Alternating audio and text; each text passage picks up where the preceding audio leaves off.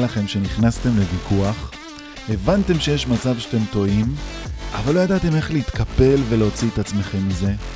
כמה פעמים? אה, איך שאנחנו שונאים לטעות. זה מוציא אותנו כל כך קטנים, ואז כדי לשמור על הכבוד והאגו שלנו, אנחנו נלך רחוק, עד הסוף רחוק. נתעקש, נעקם עובדות, נתעלם מהוכחות, נאשים אחרים, נשלוף תירוצים, נתחנחן, נעביר נושא, נרים את הטונים, כאילו שאם אנחנו צועקים זה עושה אותנו יותר צודקים. נחסום בוואטסאפ, נעשה unfollow, נפרק חברויות, כל זה כי אנחנו לא יודעים איך לעזאזל להגיד וואלה, טעיתי, סליחה, בלי לצאת פרשים. אם זה קורה לכם הרבה אגב, כדאי שתבדקו את תפיסת העצמי שלכם. זה בדרך כלל יושב על הערכה עצמית נמוכה שמרימה מנגנוני הגנה גבוהים, כי להודות בטעות דורש מאיתנו להיות חשופים, פגיעים, זה כמו לאהוב, כמו לתת אמון. ואנשים עם הערכה עצמית וביטחון עצמי גבוהים, שיודעים מה הם שווים ובטוחים ביכולות שלהם, מסוגלים יותר בקלות לוותר, להתנצל, לסלוח, לאהוב, לתת אמון. אלו שלא דואגים לטפח את האני שלהם, דואגים בדרך כלל לנפח את החזה שלהם, וללבוש כל מיני תחפושות של שופוני וכל מיני מסכות חיצוניות של מי יכול עליי, אבל בפנים הם שבורים, חלשים, חשדנים, ביקורתיים, אתם מכירים כאלה. אז לאיזה קבוצה שייך לדעתכם קריאון? אם אתם מתלבטים, תמונה שלוש, תסגור לכם את הפינה. בפרק הקודם ניתחנו את התמונה השנייה, את המלחמה הענקית בין שני הענקים, אנטיגונה וקריאון. כל אחד נלחם על הצדק שלו, על הכבוד, על האגו שלו. בסוף של הפרק, איסמנה, אחותה של אנטיגונה, זורקת לנו עוד דמות לתוך המחזה. מתברר שאנטיגונה מאורסת לבן של קריאון, האימון. איסמנה מזכירה את זה לקריאון, בתקווה שהעובדה הזאת תשנה את דעתו לגבי ההוצאה להורג של אנטיגונה. קריאון שהיה אחוז זעם על ההשפלות שהוא חטף מאנטיגונה, לא רק שהוא לא חוזר בו, הוא אפילו אומר שהאימון מצידו יכול למצוא בחורות אחרות, ופוקד על החיילים שלו להחזיר את שתי האחיות חזרה לארמון, שיחכו שם בשקט להוצאת גזר הדין שלו לפועל. התמונה השלישית שלנו נפתחת שוב פעם עם שיר של המקהלה. כל תמונה נפתחת עם שיר אחר של המקהלה. הפעם המקהלה שרה, אחד, כדי להוריד את הטון המתוח שאיתו הסתיימה התמונה השנייה, וחוץ מזה, היא שרה על הגורל של אנטיגונה. איזה גורל רע יש לאנטיגונה, איזה מסכנה בכלל משפחת אדיפוס. שוב פעם חוזר העניין של העקשנות והיהירות שמביאות על המשפחה עוד אסונות ועוד צרות, והמקהלה מסיימת באזהרה שהיא אומרת, הפורענות לא תאחר לבוא. כלומר, אוטוטו יתחיל הבלגן. ובתמונה השלישית המקהלה נמצאת על הבמה, קריאון נמצא על הבמה, ואז נכנס לבמה האימון הבן של קריאון. המקהלה מציגה אותו, הוא הצעיר ביותר מכל הבנים של קריאון, הוא גם היחיד שנשאר.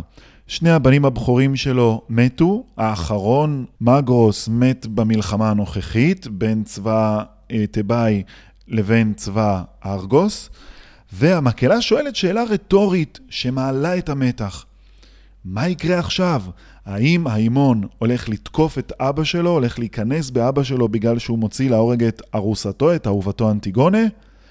קריאון שעומד בצד ומקשיב למקהלה, מדבר איתם. אומר להם, חכו, עוד רגע נדע. ואז הבן שלו נכנס והוא פונה לבן שלו ואומר לו, בן, אני מניח ששמעת על ההחלטה שלי בעניין כלתך. אתה כועס על אבא, או שאתה אוהב אותי למרות הכל? ממש ככה, זה בדיוק מה שהוא אומר לו. כאילו, נשמע שקריאון מתחנף לבן שלו, או מנסה להצדיק, להתנצל בפניו.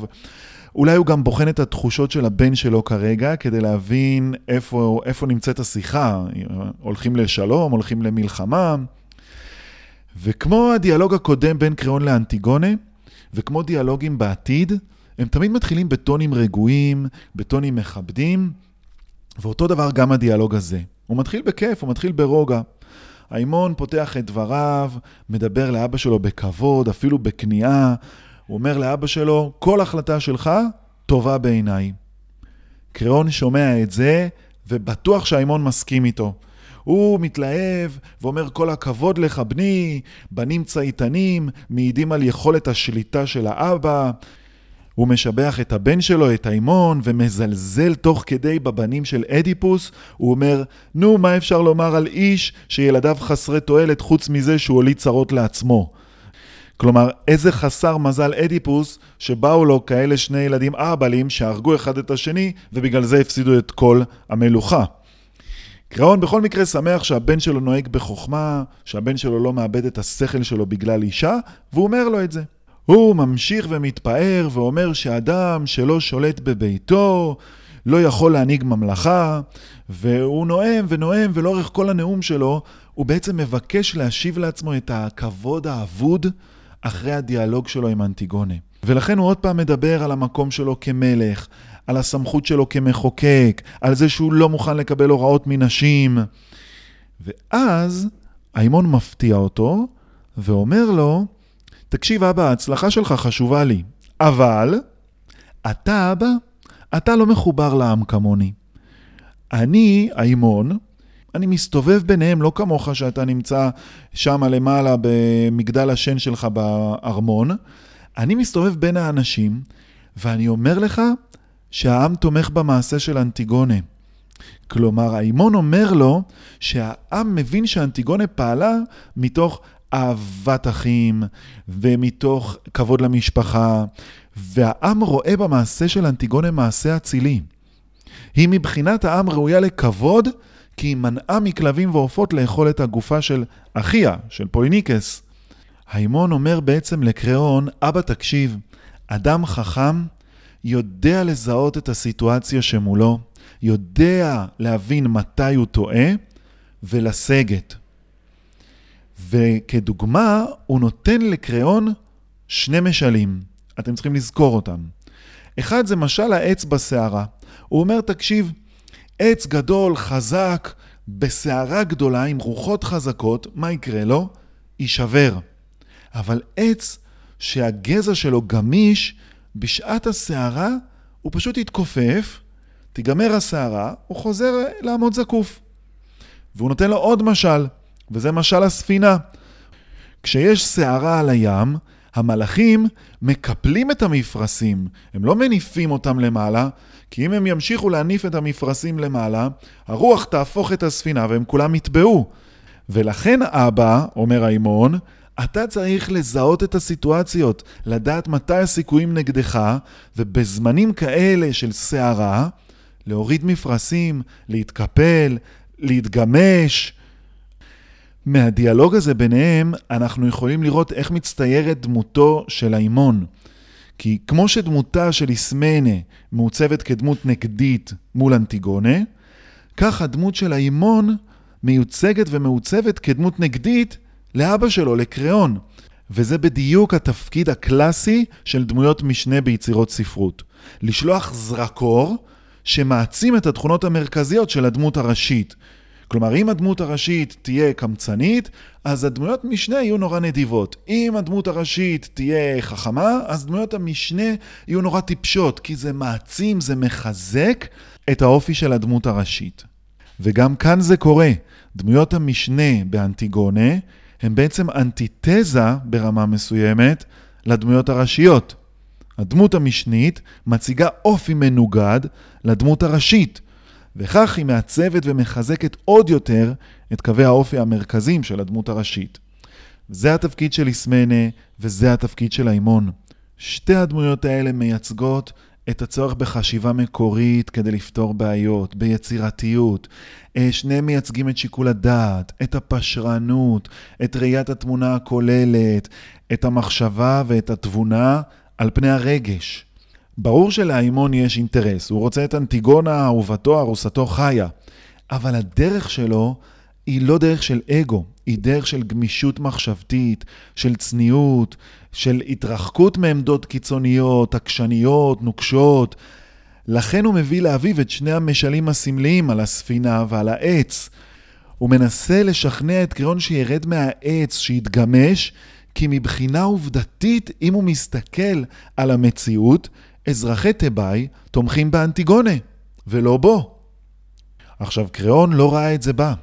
השיחה ביניהם התנהלה בהתחלה בכבוד, האימון אמר לו, כל מה שתגיד אני מכבד, ותוך כדי זה הוא עשה עליו מניפולציות והוביל את השיחה למצב שבו הוא נואם לו, איך הוא טועה? כמה הוא טועה? ומכאן השיחה הולכת ומידרדרת.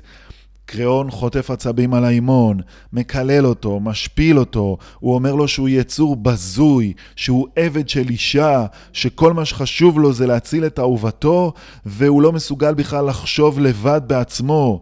והשיחה ממשיכה ומידרדרת, הם מתחילים להחליף האשמות והשפלות. האימון אומר לאבא שלו שאם הוא לא יתחיל לנהוג בחוכמה, אנטיגונה לא תהיה המתה היחידה. כלומר, הוא בעצם מאיים על אבא שלו, אם אתה לא משחרר את האנטיגונה, אם אתה הולך להרוג אותה, גם אני אמות. עכשיו, אבא נורמלי היה שומע את זה, לוקח צעד אחד אחורה. אבל קריאון, בשיא העצבים שלו, ואני מזכיר לכם שיש לו וואחד אגו, ושגם הביטחון העצמי שלו והביטחון שלו בכיסא שלו מעורער, ולכן הוא רואה בזה איום אישי עליו, וערעור על הכבוד שלו, וערעור על המעמד שלו. הוא בעצם רואה בזה סוג של התרסה, הבן שלי בוגד בי, ואז הוא רק זועם עוד יותר. כלומר, במקום לקחת צעד אחד אחורה, הוא לוקח עשרה צעדים קדימה. הוא אומר לו, אתה מאיים עליי? ואז הוא פונה לחיילים שלו ואומר להם, תוציאו את אנטיגונה מהארמון חזרה לכאן, ואומר לאיימון, עכשיו מול הפרצוף שלך אני הורג אותה. האיימון שומע את זה, אומר לאבא שלו, תקשיב, אתה משוגע, אני לא משחק במשחק הזה, ככה הוא קורא לסיטואציה, ואני הולך מכאן. אבל אני מבטיח לך דבר אחד, אותי אתה לא תראה יותר לעולם. וזהו, והאימון יוצא מהבמה. קריאון נשאר על הבמה, המום, עצבני, מעורער, מחכה שהחיילים שלו יביאו את אנטיגונה ואיסמנה אליו כדי שהוא יוציא את הצו שלו לפועל, ואז המקהלה פונה אליו. המקהלה בתפקיד זקני העם פונה לקריאון ואומרת לו, מה באמת, אתה מתכוון להרוג את שתי האחיות, את אנטיגונה ואת איסמנה? ואז מתרחש מהפך קטן. קריאון פעם ראשונה עושה חושבים. פה אנחנו כבר מתחילים לראות סדקים בביטחון או בעקשנות המופרזת של קריאון. זאת עדיין לא נקודת המפנה בהידיעה, אבל קריאון מתחיל להבין שהוא לא נמצא בצד של הרוב. למען האמת הוא מסתכל לצדדים ומבין שנשארו בצד שלו רק uh, me, myself and I. ומתוך ההבנה הזאת, הוא מתחיל להתקפל. קריאון מחליט שתי החלטות חשובות, שתיהן דרמטיות מאוד. אחד, הוא מחליט לא להרוג את איסמנה, הוא מחליט להרוג רק את אנטיגונה. שתיים, גם לגבי אנטיגונה, הוא משנה את העונש שלה. במקום סקילה באבנים, הוא מחליט לשלוח אותה לכליאה במערה. הוא נותן לה מעט מים, מעט מזון, ואומר שם בלעג כזה, שאם היא צודקת, שהאלים כבר יצילו אותה. כלומר, הוא מתרץ את ההחלטה שלו בזה שהוא לא מעוניין שהעיר תתלכלך בדם שלה. כלומר, שהעיר לא תהיה אחראית למוות שלה. אבל בעצם, יש פה משהו אחר. כי מתברר שקריאון כן שמע את הדברים של האימון. הוא כן מבין שעמדת תושבי ממלכת תיבאי כבר לא בעדו. והוא מבין שאם הוא יתעקש להרוג את אנטיגונה במוות מחריד כמו סקילה פומבית, הוא עלול לעורר עליו זעם, הוא עלול לעורר התנגדות קשה מצד האזרחים, שהם כבר לא רק שלא תומכים בו באופן מלא, אלא הם אפילו רואים את ההקרבה של אנטיגונה כמעשה הירואי, לכבוד אחיה. אבל הוא עדיין רוצה להוציא את החוק שלו אל הפועל. תבינו, אם הוא לא יוציא את החוק שלו לפועל, מבחינתו, הוא יצא פרש. הוא יוצא מלך נלעג או כנוע, אחד שנכנע לנשים, הוא חלש, אין לו מילה, ואם ככה אולי הוא לא ראוי לנהל את הממלכה. ולכן הוא מוציא את פסק הדין, אבל משנה את גזר הדין. הוא כאילו מעדן אותו, אבל זה לא באמת מתוך רחמים לאנטיגונה, אלא יותר מתוך האינטרסים האישיים שלו, הוא חושב פוליטית. שליחת אנטיגונה למערה זה גזר דין רך יותר, שעדיין משמר את הצו שלו, עדיין מוציא לפועל את הצו שלו. המוות של אנטיגונה במערה, אחד, לא יהיה מידיו. כלומר, הוא לא הרג אותה באופן ישיר, ולכן הוא לא אחראי על מותה, לכאורה. כי הוא שלח אותה, הוא שלח אותה עם מים ומזון, והשאיר אותה לגורל האלים. אם האלים כל כך בטוחים שהיא צודקת, בבקשה, שיבואו ויצילו אותה. שתיים, זה לא מוות אלים וברוטלי כמו סקילה באבנים. סקילה באבנים האזרחים צריכים לעשות. מאיפה הוא יביא עכשיו אזרחים שיסקלו אותה עם כל האזרחים בעדה? ואז הוא יצא עוד יותר חלש, וזה רק יפנה כלפיו עוד יותר את זעם תושבי הממלכה. ולכן מבחינה פוליטית ואישית, עדיף לו לשלוח אותה למערה, ואז המוות שלה יתבצע, הצו שלו יצא לפועל, אבל זה יהיה רחוק מעיני הציבור, זה יהיה במערה חשוכה, זה יהיה בלי התערבות של האזרחים, זה לא יהיה ברוטלי וזה לא יעורר התנגדות. וככה הוא מבקש לשמר את צו המלך שהוא הוציא, שבו תלוי הכבוד שלו, הסמכות שלו כמלך חדש טרי, אבל הוא משנה את העונש כדי להצליח להוציא את גזר הדין לפועל באופן יותר חלק, שיעבור לאזרחים קצת יותר חלק בגרון, מה שנקרא. קריאון מנסה להחזיק בכוח בכל מחיר בצו שהוא הוציא, אבל אנחנו כבר רואים שנפערים בו סדקים. הצו מתחיל להתפורר, וקריאון מתחיל להתערער. וזהו, התמונה השלישית נסגרה, ומתחילה התמונה הרביעית, והיא שוב פעם נפתחת בשיר של המקהלה, שהתפקיד שלה להוריד את המתח, אני מזכיר לכם. והמקהלה שרה על כוחה של האהבה, איך האהבה מניעה את העולם, איך האהבה גורמת לאנשים לאבד את הראש, להתעמת עם המשפחות שלהם, לעבור על חוקים. המקהלה בעצם מכינה אותנו למה שיקרה עוד מעט בין האימון לבין אנטיגונה. ואז לקראת הסוף של השיר, המקהלה מפנה את תשומת הלב של הקהל לאנטיגונה, ואנחנו רואים איך אנטיגונה מובלת אל המערה על ידי חיילים של קריאון. תזכרו, על הבמה נמצא גם קריאון, הוא שומע הכל, הוא רואה הכל, ובסוף התמונה הוא גם יגיב לכל מה שהוא רואה. את כל התמונה הרביעית, אנטיגונה בעצם שרה. כמו איזה רקביים, איזה שיר קינה של אנטיגונה על חייה שחלפו או שנגמרו בטרם עת. אנטיגונה פונה אל הקהל, אל הצופים, היא בוכה על מר גורלה, על כך שהיא לא תזכה להיות כלה, שהיא לא תתחתן, על כך שאף אחד לא מלווה אותה בדרך אל מותה, אין לה חברים, אין לה משפחה. ואם עד עכשיו ראינו לאורך המחזה את אנטיגונה בתור דמות נועזת, חסרת פחד, עקשנית, גאוותנית, יהירה, בטוחה בעצמה, החלטית, יוזמת, אמיצה, עכשיו אנחנו רואים את הצד האחר של אנטיגונה. אנטיגונה כאן מפוחדת, חוששת, היא מבכה את גורלה המר, וגם במצב הנמוך הזה שלה, תראו כמה יהירה. היא פונה למקהלה ואומרת להם שהגורל שלה דומה לגורל של ניובה. ניובה היא בת של טנטלוס מהמיתולוגיה, ולפי המיתולוגיה, ניובה חטאה בחטא ההיבריס כלפי לטו. לטו היא הייתה האימא של התאומים ארתמיס ואפולו, וניובה השוויצה מול לטו שלה יש שבעה בנים ושבע בנות, וללטו יש רק זוג תאומים. לטו חטפה על ניובה את הקריז, ושלחה את הילדים של האפולו וארתמיס להרוג את כל הילדים של ניובה. אפולו הרג את שבעת הבנים, ארתמיס הרגה לה את שבעת הבנות, וכאילו שכל זה לא מספיק, היא שלחה גם את זהוס, שיהפוך את ניובה לאבן.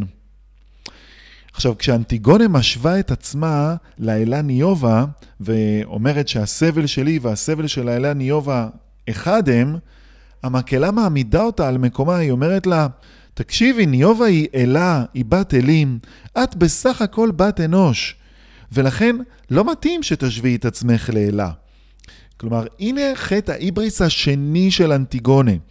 אם שואלים אתכם על חטאי ההיבריס של אנטיגונה, אתם צריכים להציג שניים. אחד, זה היהירות והעקשנות והביטחון המופרז שלה בעצמה ובדרך שלה ובצדק שלה. אבל שתיים, הנה חטא ההיבריס השני, היא משווה את עצמה לאלה ניובה ולא מקבלת את דברי המקהלה שמנסה להעמיד אותה במקום ולהגיד לה, ניובה היא אלה, בת אלים. את, אנטיגונה, בסך הכל בת אנוש. את לא יכולה להשוות את עצמך לאלה. אנטיגונה שומעת את זה ותוקפת את המקהלה. היא אומרת להם, תצחקו עליי אחרי שאני אמות, אתם ציניים כלפיי. כלומר, ההשוואה הזאת מוכיחה שאנטיגונה ממשיכה לחטוא בחטא ההיבריס. זה לא משתנה אצל אנטיגונה, זה נשאר קבוע. דבר נוסף שאנחנו יכולים לראות מהקינה הזאת של אנטיגונה בתמונה הרביעית, זה שלאורך כל הקינה של אנטיגונה על חייה, היא מלאה האשמות. היא מאשימה את כל העולם ואשתו על הגורל שלה. קודם כל היא מאשימה את הגורל. איך הגורל עשה לה כזה דבר? אחר כך היא מאשימה את המשפחה שלה, המשפחה התפוקה הלא נורמלית שלה, שבה אבא שלה הוא גם סבא שלה, ואימא שלה היא גם סבתא שלה, ואבא שלה מתחתן עם אימא שלו. בקיצור, איזה משפחה תפוקה נולדתי, מה אתם מצפים שיקרה? אם הייתי נולדת למשפחה נורמלית, כל זה לא היה קורה. אחר כך היא מאשימה את אחיה פוליניקס, זה שמת, זה שהיא קברה את הגופה שלו. למה הוא בחר להתחתן עם הבת של מלך ארגוס? אם אולי היה בוחר להתחתן איתה, אולי היה מביא את כל הצבא של ארגוס על הצבא של ממלכת תיבאי, וכל זה לא היה קורה. היא אפילו מאשימה את האלים.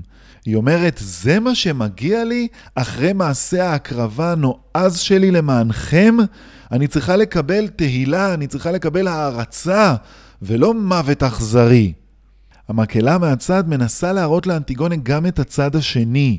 כלומר, להסביר לה, עברת על החוק, את מתנהגת בקיצוניות, על גאווה, נענשים, אבל אנטיגונה מתעלמת מהם רוב הזמן.